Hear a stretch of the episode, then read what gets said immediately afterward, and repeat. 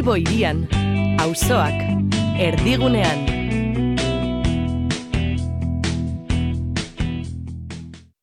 Eskerra, eskerra, ukabilkada. Lanaren ekonomia. Kutsadura informatiboari aurre eginez, ekonomia gaiak jorratzen eta ulertarazten duen saioa. Bilbo iria irratia, hor dago eta argia, elkarlanean. Lanaren munduko analizia. Lagunak egan, ametsak egan, izkinan bertan, usta bildu, eta berriz bueltan. Denbora gelditzea bagenu, don't stop. Amodio agitari.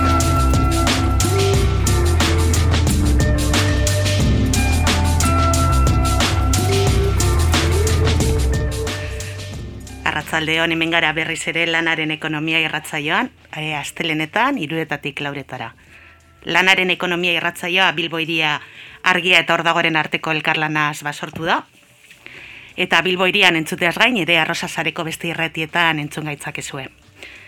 Betiko lez, gaur ere sindikal agendarekin hasiko gara, ekitze barriaren eskutik, gaurkoan, ba, bueno, telefonoaren bestaldean izango dugu, estudian izan beharrean, Eta, bueno, sindikal agenda, ba, urrengo amalau egunetako sindikatu eta mugimendu sozialetako deialdiak e, jasotzen ditu. Azken aldian, ba, bueno, azken aldian bezala, ba, bueno, gaur, e, gaur ere sindikal agenda ba, potolo bat e, izango dugu, ba, bueno, garai prekario eta esengor, esegon korretan gabiltza, eta, bueno, hori hori dela eta ba, osen eta tinko erantzuten ari baita ba, gizartea. Honen ostean, e, elkarrizketen saiora pasako gara, Eta lehenengo elkarrezketa izango da Alberto Perezi, labeko ordezkari sindikalari. Betion, betionen e, grebaren gainean izango da. Ondoren ela sindikatuko mirari uibarri elkarrizketatuko dugu, militatzea batzuetan privilegioa da ari buruz. Eta azkenik, ba, bueno, amaitzeko argiako tartean, Jon Bernard Zubirik, gorka bereze hartua elkarrizketatuko du, Europar batasuneko ekonomia, Ukrainako gerraren erdia eri buruz. Eta, bueno, orain, ba, sindikal agendarekin utziko zaituztego.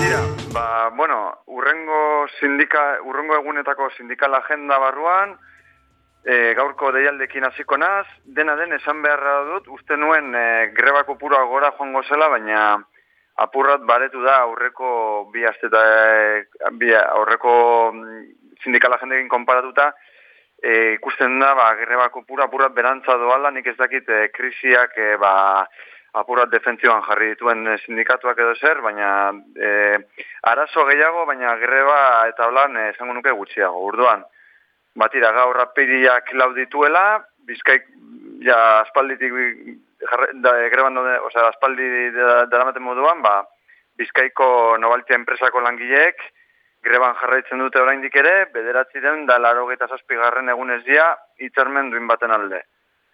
Gero Saratamoko eta Sebereoko vulkanizado estulago enpresako langileak ere greban mugagabean daude, e, iruren garren egunez gutxi gora bera, berangoko alkontza irizar enpresan ere langiak greba mugagabean daude ere, hogeita garren egunez, Orozkon, artiatzkai eta enpresako langileek egun da hogeita malau egun daramatzate lan usteak egiten egunero, langien baldintzak hobetuko dituen hitzarmen baten alde, gero deia egunkarian hogeita zei langile kaleratu nahi dituzte, eta bueno, hori dela eta martxoaren amalautik e, ba, greba mugabean daude langileak, Ondoren, ba, beti on telelaguntza zerbitzuko langileak gaur e, bosgarren greba izan dute, beste lau egun e, beste lau greba egun ere izango dituzte, eta bueno, hau da, mo, gero, sakonduko dugu, ze hain zuzen ere, ba, e, gero elkarrezketa atuko duten idekidek, e, ba, mengo ordezkari sindikal bat. Ondoren, ba, e, Volkswagenen, Nafarroan, e, bueno, Nafarroan Volkswagengo autoi zorroa jartzen dizkieten ISNN enpresako langileak ere greban daude, martxoaren amazeitik, prekarietatik, eh, prekaritatetik aterako dituen hitzarmen duin bat eh, lortzeko.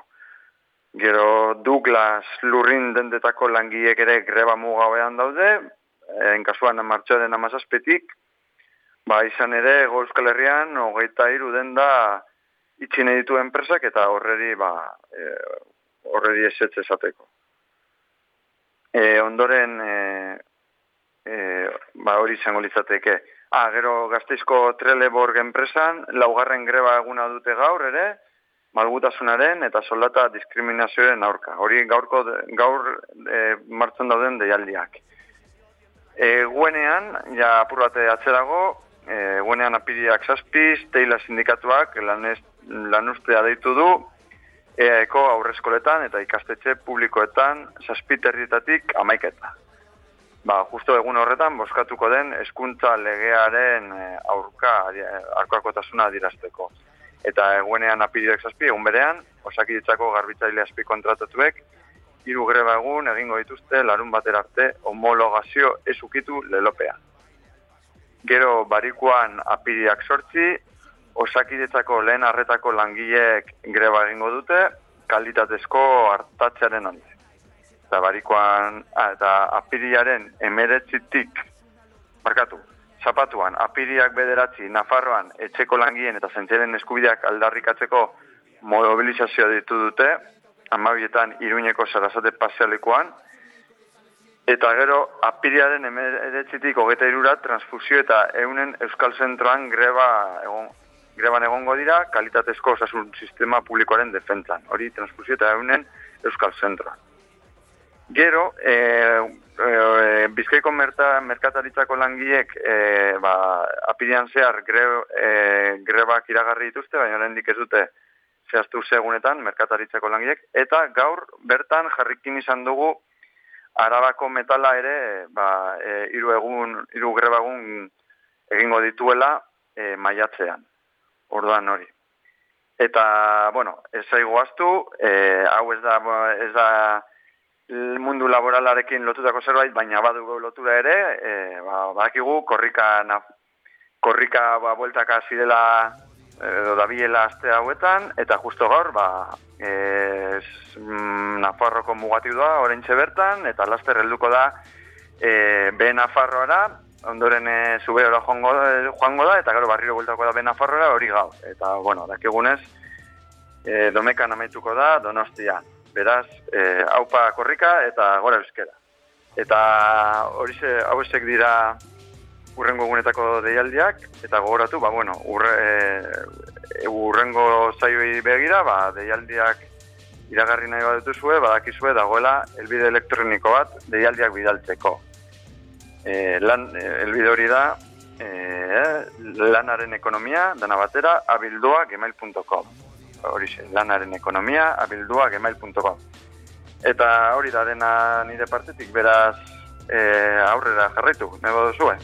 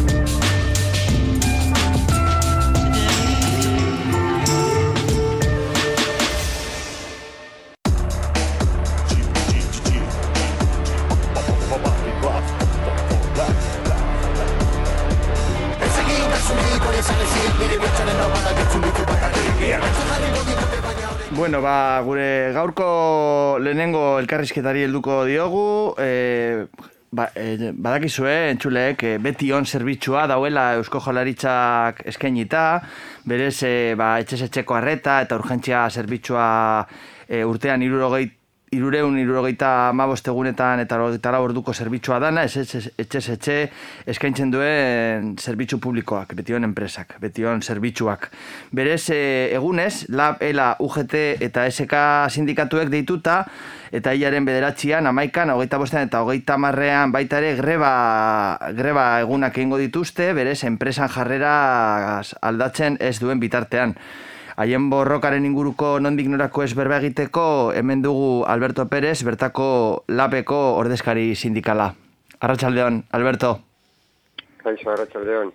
Bueno, e, ba, gaur e, greba eguna egin duzue, e, hile honetako bost e, greba egunetako lehenengoa, aurreko hilean bebai greba egunak egin dituzue, eta emoten du, ba, hori, ba, gatazka horrera doala, Eh, azaldu diguzu, a ber, zerbitzu publiko hau kudeatxagatik zenbat diru jasotzen dute ba, UTE enpresa pribatu hauek, ez? E, Tunstal, GSR eta Igualatorio Mediko Kirurgikoko enpresak zenbat diru jasotzen dute zerbitzua emoteko? Bai, enpresa pribatu hauek e, betion laguntza zerbitzu kude, kudeatxagatik e, jasotzen dute be, berrogeita bat milioi euro diru publikoko. Bai. Eta, eta berez... Bai, bai, bai. Bai, eta, eta hori zerbitzua emoteko haiek eh, kudeatzen dute zerbitzua, ez? Hori da, haiek kudeatzen dute zerbitzua, eta hori, eta etekin galantak lortzen dituzte diru publiko onoteko, bai. Eta bueno, amaierako edo e, e, ardura nagusia Eusko Jolaritzakoa da, eta baina berez enpresa pribatu hauen aurrean hasi zarete grebak egiten, ez? Zergatik? Bai, bos, hasi, hasi gara e, grebak egiten, gure lan itxarmena berritu gabe daukagulako, eta e, hori, e, e, zerbitzu hau e, kudeatzen duten enpresa pribatu hauek negoziazioa blokeatu dutelako. Eta berez, e, noiz, noiz hasi zarete grebak, eta bueno, e, zein, zein da greba sorta honetan planteatzen duzuen dinamika? Pues hasi, hasi gara e, martxoaren e, hogeita bian, eta momentuz, e, apirilaren hogeita marrer arte, e, nueva e, bederatzi egun greba egingo dugu. Eta zer, zein, zein da zuen, e, e, bueno, zuen alderrik apenak zeintzuk dira? Zer eskatzen dozu Eusko Jalaritzari? Pues, e, e, Eusko Jalaritzari e, eskatzen diogu alde batetik, gatazka honetan parte hartzeko. Zerbitzuaren titularra da eta. Eta bestetik, enpresa hauek lortutako etekin galantak kontrolatzeko. Horrela, langi, langileon lan baldintzak hobetu ahal izateko. Eta zelan, joan da, gaurko, gaurko eguna, ze, zein izan da eguneko e, ekintxak edo eguneko planteamendua? Bos, gaur e, egin dugu egin dugu manifestazioi bat e, eta hasi gara e, lutxana eranjotik e, erreka, errekaren errepidea moztu dugu eta handik e, zuzenean joan gara gure lan, lantokira. Eta han gero egon gara gure lantokian e, aldarrik, aldarrikatzen bai. Bueno, ba, urrengo greba egunak, esan dugu moduan, urrengo larun batean jarraituko dozue, e, zein da aurrikuspena, negoziazio bat abiatzeko aukerak ikusten dituzue? Bueno, momentuz eh, ez daukagu berririk eh, enpresa eta eusko jarlaritzaren, baina bueno, eh, uste dugu eh, greba egunak eh, egiten jarraitzen badugu, e, aukeraren bat izango dugu e, gure aldarrikapenak haiek entzuteko eta berriro e, enpresarekin mailan eserial izateko. Bueno, ba, e, itxarmen kolektibo duin bat lortzeko bidean, e, esan dugunez, ba, greba e, sorta bat e, abiatu duzuela, eta, bueno, ba, animo hemen, badakizue lanaren ekonomia saioan eta bilboria irratian, ba, zuen etxadukazue, zuen aldarrikapena berri emoteko. Ba, pues, eskerrik asko, zure arreta, zuen arretagatik, eta hurrengor arte. Hurrengor arte. Agur.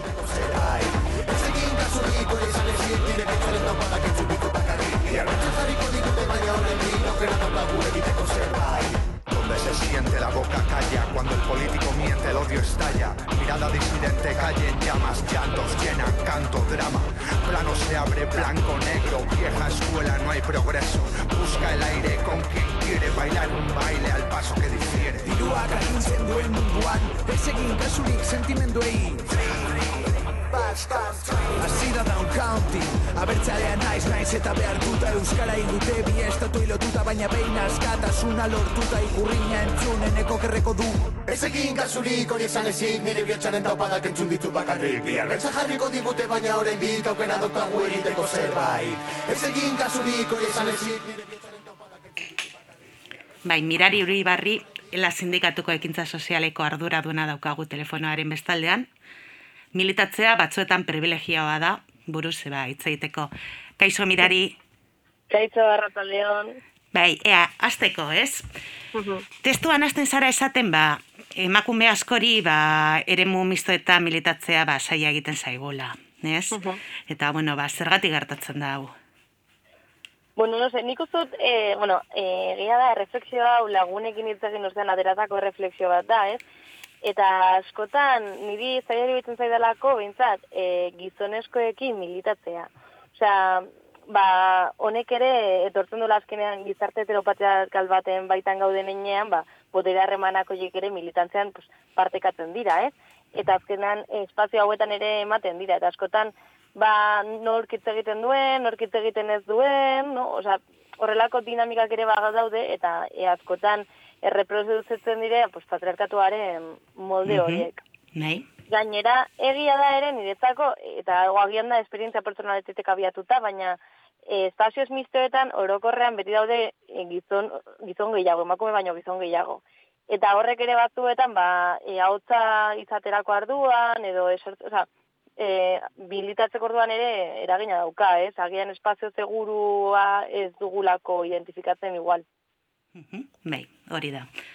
Bai, eta bueno, gero bestalde batetik be aipatzen dozu, ba, militatzeko azkenean ba denpora behar dala, ez? Mm. Eta, bueno, ba, emakume askoren kasuan, eta baita ere, ba, bueno, beste hainbat pertsona, ba, prekarioren kasuan, ba, azkenean, ba, militatzea, ba, privilegio bat e, dala, ez? Ba, konta iguzu Bai. apur bat, honi buruz. Bai, ba, e, azkenean, ba hori, nik militatzeko e, denbora behar dela, azkenean, ba, arrataldeak edo tasteburuak direlako, ez? Eta, karo, prekaritatea hitz egiten dugunean, askotan ari gara hitz egiten, ba, jo que se, e, lan ez gainezka dagoen pertsona baten inguruan, e, bi lan mota dituen pertsona pues, baten inguruan, bai, e, sol, da, e, jardunaldi erdia daukan pertsona bat, eta gero beste jardunaldi erdi batekin baten duena, eta azkenean pertsona prekario batek ez dauka denborarik gero arratzaldean lan aritzeko. Eta adibidez, claro, emakume askok ere, orokorran zaintza lanetan bihar dugu, e, gure lanetik ateratzen garenean, bai gure zen ideak zaintzen, bai gure e, zemea alabak zaintzen, eta karo, hori askotan e, militatzearekin ez dator bat, ez? Osea, edo ez du espasorik ematen militatzearekin, edo eta asambleara joateko asmoan badaukagu, ba, eraman behar ditugu, jo, que semea alabak, ba, aitona monekin, edo eta bikoteko pertsona batekin geratu, eta askotan emakumeak ez geratzen gara e, espazio horretatik eskluituta, ez?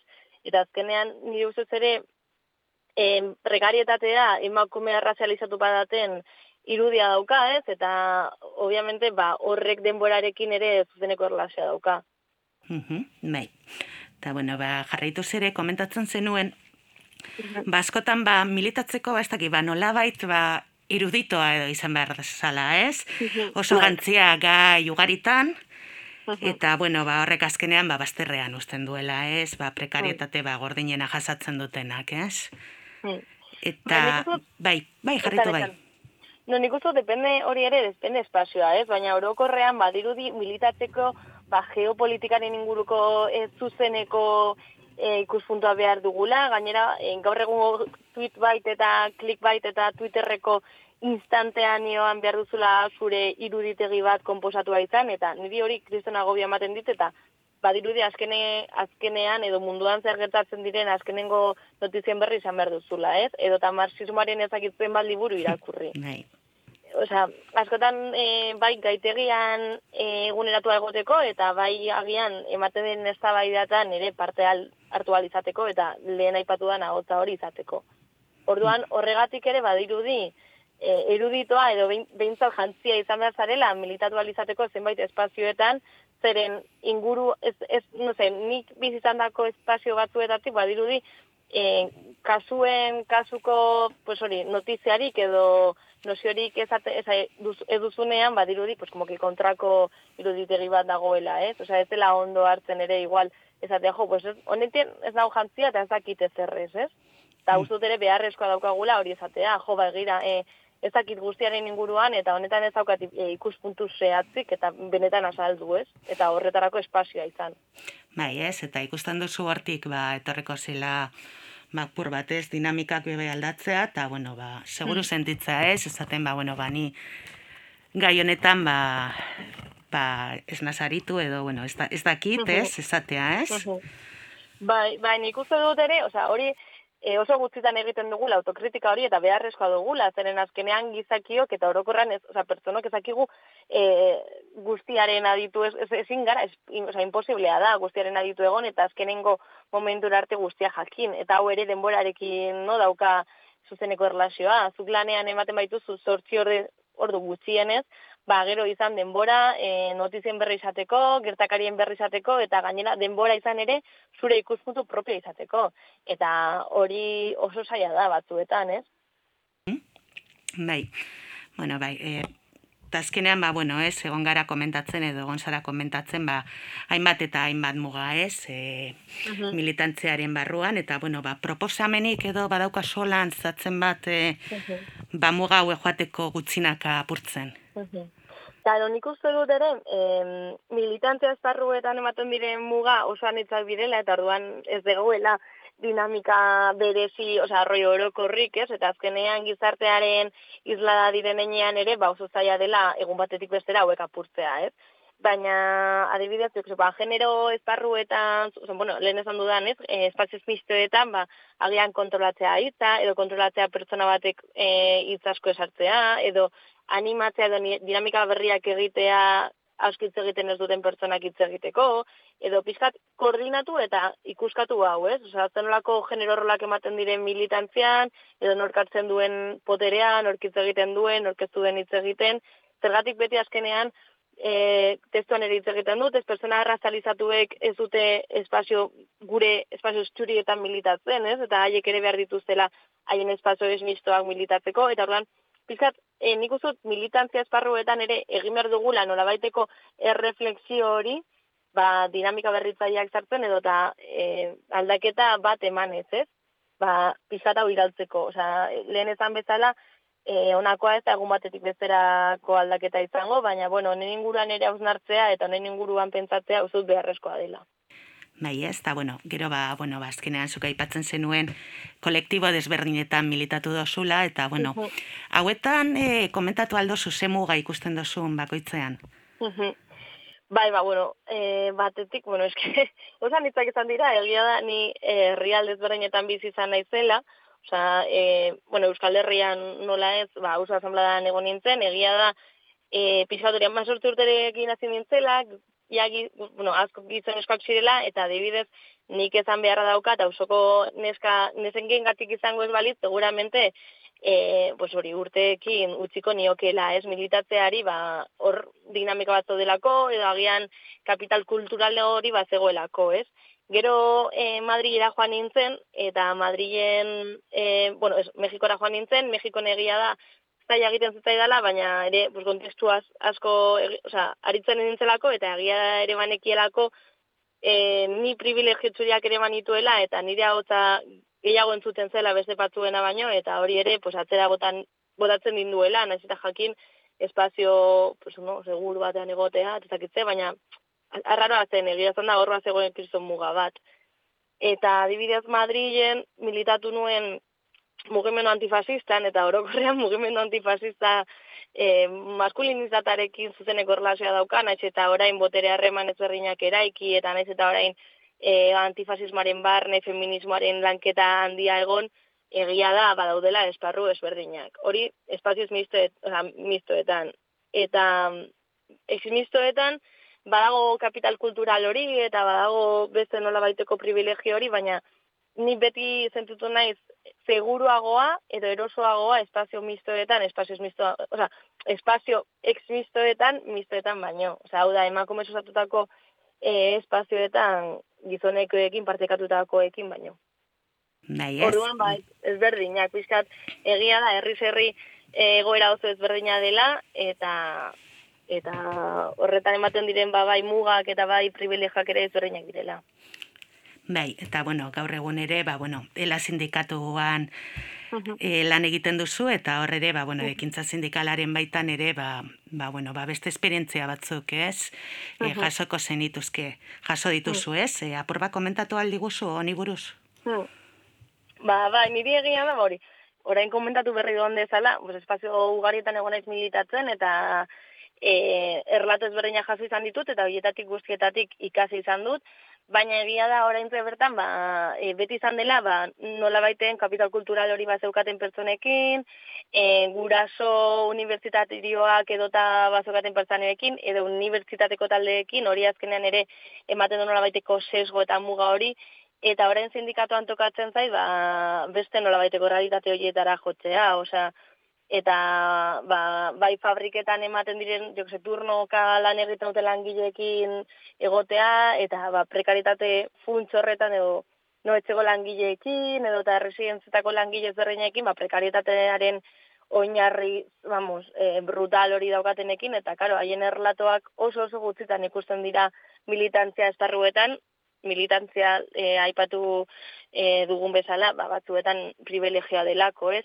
Eta errealitate bortitza, ba, pues hori soldata arrakala itzela izatea, zaintza esparruetan egotea lanetan, eta gero etxera joatea, zaintza lanetan jarraitzeko, e, non, zenolako harremanetan, eta adibidez, lehen ere testuan e, aipatzen dudan bezala, e, duela gutxi araban, e, bueno, irabazi zen altan bernedoko greba luze baten ondorioz, e, itzarmen duin bat, ez? Eta lehen aipatzen dut, agian, agian emakume hauek, osea, emakume asko dira, eta emakume guztiak ez dira berdina, baina igual orokorrean ez duten militatu alderdi feminista batean, baina badakite zen lako lana dagoen greba baten ostean, badakite zen saia den e, sektore feminizatu bat mugitzea, badakite nola bideratu asambladak eta elkar babez hoiek, ez? Eta oso gutxitan iritzen direla e, langile prekarioen ahotzak militantzia, zeinba- zeinbait militantzia esparruetara, eta oso gutxitan ere iritzen direla, e, bueno, intelektual ask, esker intelektual asko kidatzitako diskurtso maravilloso horiek lantegietara, ez? Eta orduan pizkat, honen erreple, hausnarketa hori egitea, ez? Bai, ez, eta bueno, askotan be asko daukagula hortik ikasteko, be, bai, ez, bi alde, Bai. aldekotasuna baita ere, eta bueno, dausnarketa egitea, ez? Hori da, bai, bai. E, da nik ere, adibidez, bueno, lehenago irakurtzen liburu oso interesgarri bat, niretzako, deitzen dena minoriaz, ez decir, ebel, dela Mhm. emakume arreazalizatu bat, eta hitz egiten du, e, bueno, emakume feminismoaren baitan, dauden emakume arreazalizatu ezberdinen esperientziak, ez? Eta e, hor ere azaltzen da askotan, e, ba hori, e, pertsona arreazalizatuak ere bai, behar da dituztela, pues, obviamente, espazio ex-mistoak haiek antolatzeko, eta zenolako mugak dituzten ere haiek antolatu alizateko, eta eta gure, e, be, bueno, txuriok militatzen dugun espazioetan egoteko, ez? Eta horren erreflexioa ere beharrezkoa dela. Osea, gaur hitz egiten dudan errealitateaz, obviamente nire errealitatearekin bat egiten dutela, baina beste muga muga asko daudela, ba, bai e, pertsona arrazalizatuekin, bai pertsona no, LGTBI plus, bueno, e, kolektiboarekin, eta orduan, ba, ba, uste dudala, honen inguruan erre, erreflexioa egin behar dugola, e, pues borroka honetan aurrera eramateko, eta irautza kirtatu alizateko, zeren bestela, e, zinezko izango da, errealitati guztiak izol, oza, no? e, izlatuak egoteko biharko e, borroka horretan, etorkizunean. Bai, ba, eskerrek asko mirari ez, partekatzeagatik e, gurekin hausnarketa hau privilegioen inguruan, eta bueno, baita ere, ba, zure esperientzia pertsonaletik, ba, hitz egitegatik. Mila esker. Bai. Zuei espazioa emateagatik ere. Bale, ba, urrengo arte. Bai, agur. Agur.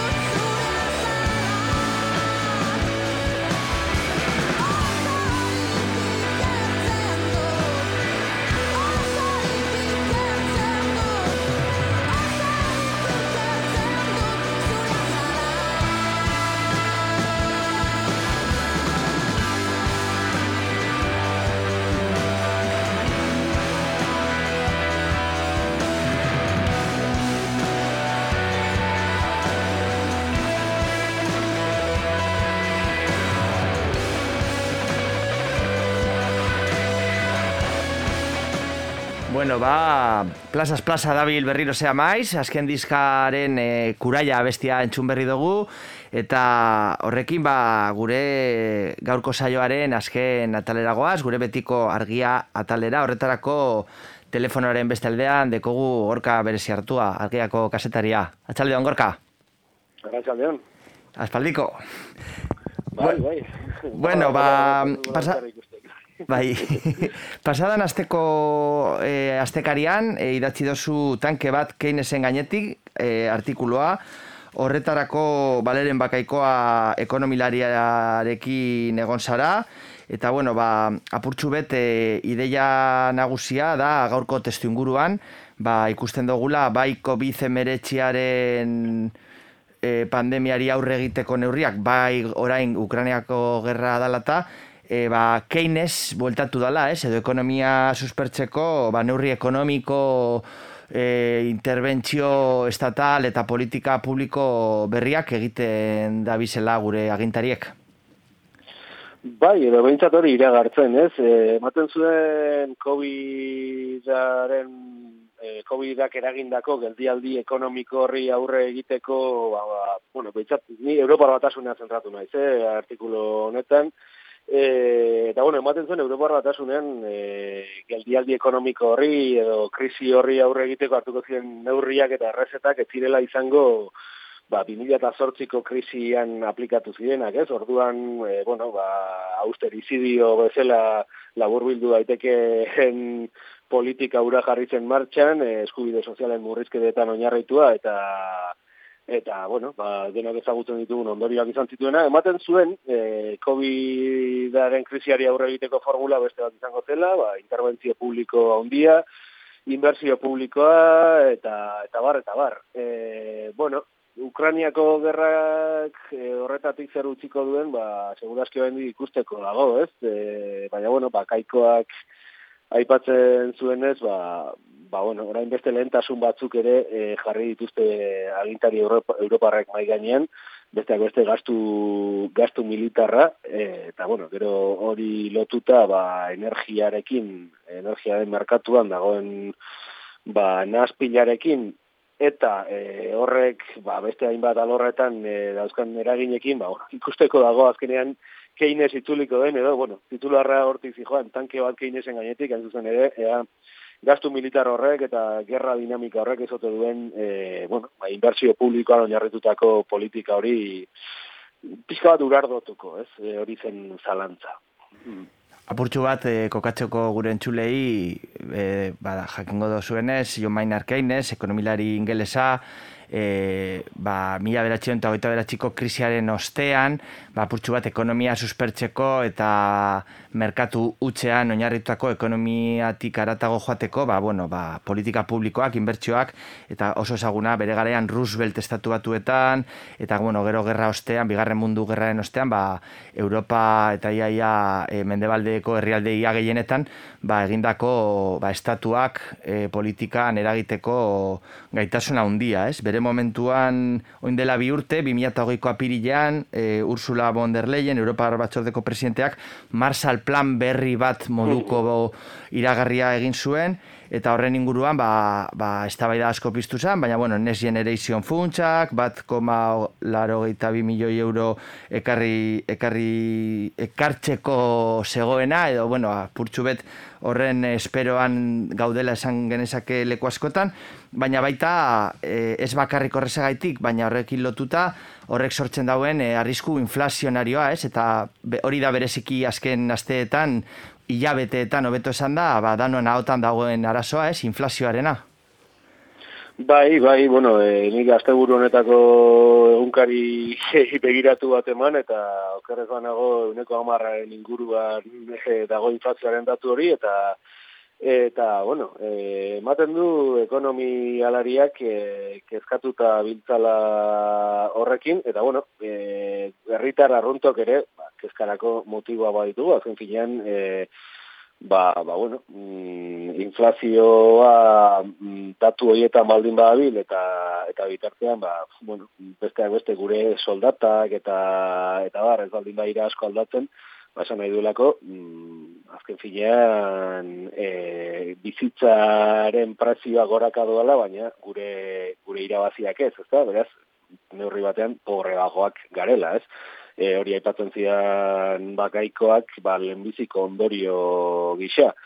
E, beraz bai, e, badirudi hori ere bueno, kezka iturri badela e, gerra zi denez geroztik, beste punto bat ere, ba, lehen bakaikoak asko zimarratu zidana, izan ze, e, bueno, zer, zer gertatzen den momentu honetan zenbait e, lehen gairekin. E, ba, bueno, azken finean Ukraina eta Rusia Europako aletegi gisa deskribatzen zituen berak, eta ez egon kortasun egoera honetan, ba, noski, e, aletegi hoiek ere e, ba, kolokan daude, eta horrek esan nahi du, lehen gai batzuen e, prezioare asko asko igo dela, ezta?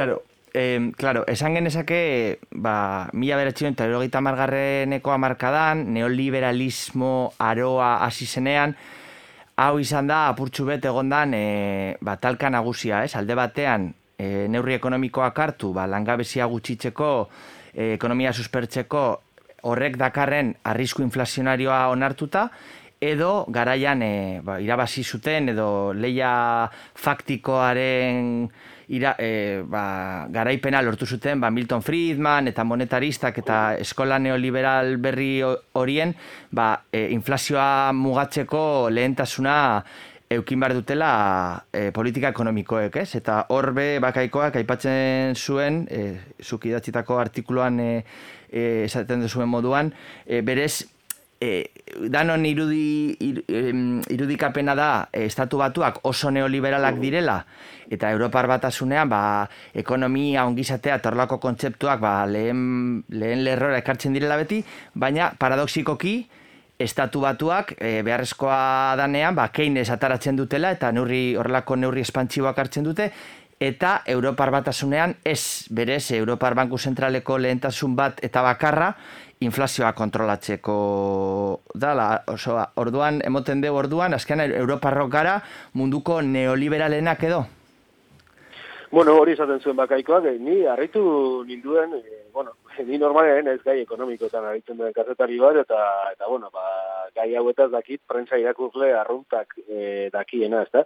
Baina bakaikoak hori azpimarratzen zuen, eh, Erreserba Federalak, Estatu Batuetako Erreserba Federalak, e, behar duenean e, Keynesek proposatutako hainbat politika e, martxan jartzeko arazorik ez daukala, ez? Erreserba Federalaen helburuak bi direlako, batetik bai e, prezioak egonkor mantentzea, baina bestetik e, ere enplegua sortzea. Eta aldiz, bakaikoak zioen, e, dio artikuluan, e, Europako Banku Zentrala e, prezioen egonkortasunari, hau da, inflazioaren kontrol horri bakarrik heltzen diola, eta e, enplegua sortzeari buruz, ba, bueno, e, bai, zeo zer hasi direla egiten azken urte hauetan, baina enpresa batzuia izteko kinka horretan zeudelako, ez? E, baina berez, bueno, ba, lotuago dagoela prezioen kontrol horretara eta enplegu politikak e, gehiago estatuen esku guzten dituela. Horrek, noski, ba, deskompensazio bat sortzen du, eta gauden egoera honetan ba ikusten ari da. Gero, ez dakit, e, hau e, Jon Bernatzuk hobeto ezagutuko duzu, baina egia da inflazioaren kontroloren atzean eta bakaikoak hori ere, dakit artikuluan sartu nuen, Baina epatzen zuen, azkenean, e, bueno, Alemaniak e, joan den mendeko, ba, bueno, bi mundu gerren arteko e, inflazio erraldoi haiek eta e, kontuan edukita, bueno, Alemaniako Deutsche Bankek beti, anik eduki izan duela inflazioaren kontrol horrekin puntu obsesibo bat, eta hori ezoten e, nolabait pasa Europako Banku Zentralera ere, ez da? E, beraz bai, gai hori hor dago, eta horrek dituen ondorio praktikoak ere e, hor daude. Azken finean, hau ez baita kontu ideologiko huts bat, baizik eta e, hartzen diren erabakietan e, lotura edo zer ikusia daukan zerbait, ezta? Claro, azkenean Europar Banku Zentraleko diru politika Alemaniatik e, zuzentzen da, eta bueno, badakigu azkenean diru politika hori, ba, diru asko ekoizten bada, diru asko imprimitzen bada, ba, horrek egiten du interestasak jeistea eta inbertsioak e, merketu eta orduan ekonomia suspertzeko errastasunak emon, e, 2008etik bizi izan dugun eta oraindik bizi garen e, testu ingurua dela, baina orain inflazioaren gorakadarekin aurre ikusten dana da diru politika aldatzea, eta horrek eh, enplegu eta ekonomi eta enpresentzako zailtasun berriak ekartzea. Oneri gehitzen badotzagu, orain, Ukrainiako gerrarekin bat, ba NATO dabilela gastu militarra egotzearen beharra eta barne produktu gordinaren uneko bira eroateko eskaeratan da bizela aliantzakoek, ba, ba testu inguru edo etorkizun nahiko beltza egongo da gastu soziala eta ongizate politikan ikuspegitik, ezta? Bai, bueno, e, bintzat, e, izten ari zazkigun seinaleak ez diruditu oso onak, ez? Azken finean, e, ba, bueno, Scholzek, Alemaniako go, e, kantilerrak esan zuen, e, uneko, natok e, planteatzen duen, uneko BPG-ren uneko biraino e, gastu militarra izate hori bete egingo dutela, horretarako e, dirutza bat jarriko dute armetarako, eta gainera, bueno, ba, Scholzek ez bakarrik hori esan izan, eta ze tonutan esan duen, bueno, bago esaldi bat bota zuena, tanke berriak behar ditugu, ontzi berriak behar ditugu, bueno, e, nahiko, nahiko ezakit, batzuek aipatu dena, malauko espiritu horrekin bat eginez, edo niri bintzat sensazio hori eman zidan, adierazten horiek e, ikustean, Eta, bueno, ba, e, badirudi pauta hori dela, Espainiako estatuak ere esan du, e, uneko bi horretaraino e, iristeko helburu daukala, beste estatu batzuek, adibidez, Frantziakoak e, jada betetzen dute, baina hala ere, e, adibidez, Emmanuel Macron ari da, e, ba, bueno, gastu hori 2008 bostera arte ere urtero e, aziko dela esaten, e, eta bai, ba, armetara doan diru hori, segurazki beste nonbait e, tik kenduko da, eta hor, ba, ba, bueno, bakaikoak hori aipatzen zuen, ez? E, aurrekariak ez direla oso onak, alegia, e, euroan, euroan sartzeak eragindako aldaketa konpentsatzeko gastu sozialak ukitu ziren, 2008ko krisiari aurre egiteko gastu sozialak ukitu ziren, eta bere ustez, ba, e, autagai nagusia oraingoan ere ukitua, murriztua, eta, eta bueno, ba, ia, ia ezer ezean geratua izateko, ba, ba, bueno, ba, diru partida horiek izango direla, ez? E, beraz ez, e, itxaropen handiko panoramarik ez digu, ez digu markatzen pandemia osteko gerra ekonomia honek, e, ikusi beharko zein den evoluzioa. Bai, e, e, denbora geratu gara, baina berez e, oraindik e, zure artikulo luze hartan eta oso interesgarria dana gorka, aipatzen dozu baita azken atal batean gazaren inguruko testu ingurua, baina bueno, hori beste egun baterako utziko dugu, badakigu horbe gai potoloa dala, Eta bueno, ba, espero dugu zuek be bai argia argi, argian e, jorratzen jarraitzea eta bueno, ba, e, biztaleria gu informa, argian informatzen gaitu noen ba, informazio ase, beharra asetxea. Eta eskerrik asko gorka. Mila esker joi, ondo izan.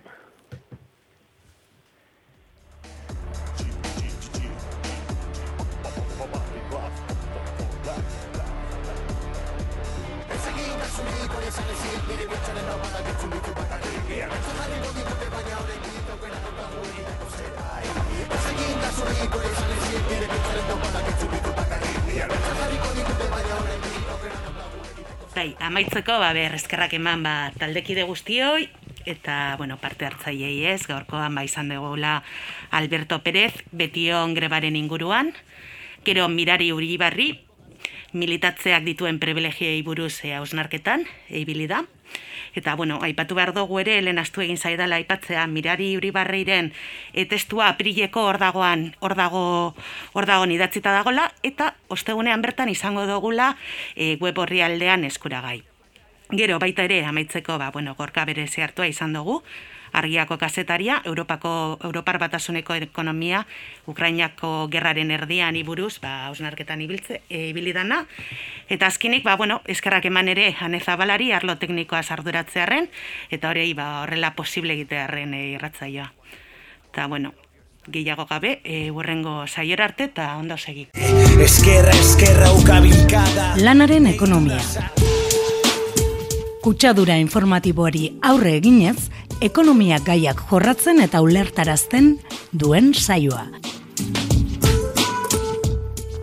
Bilbo iria irratia, hor dago eta argia, elkarlanean. Lanaren munduko analizia. Lagunak egan, ametsak egan, izkinan bertan, usta bildu, eta berriz bueltan. Denbora gelditzea bagenu, don't stop.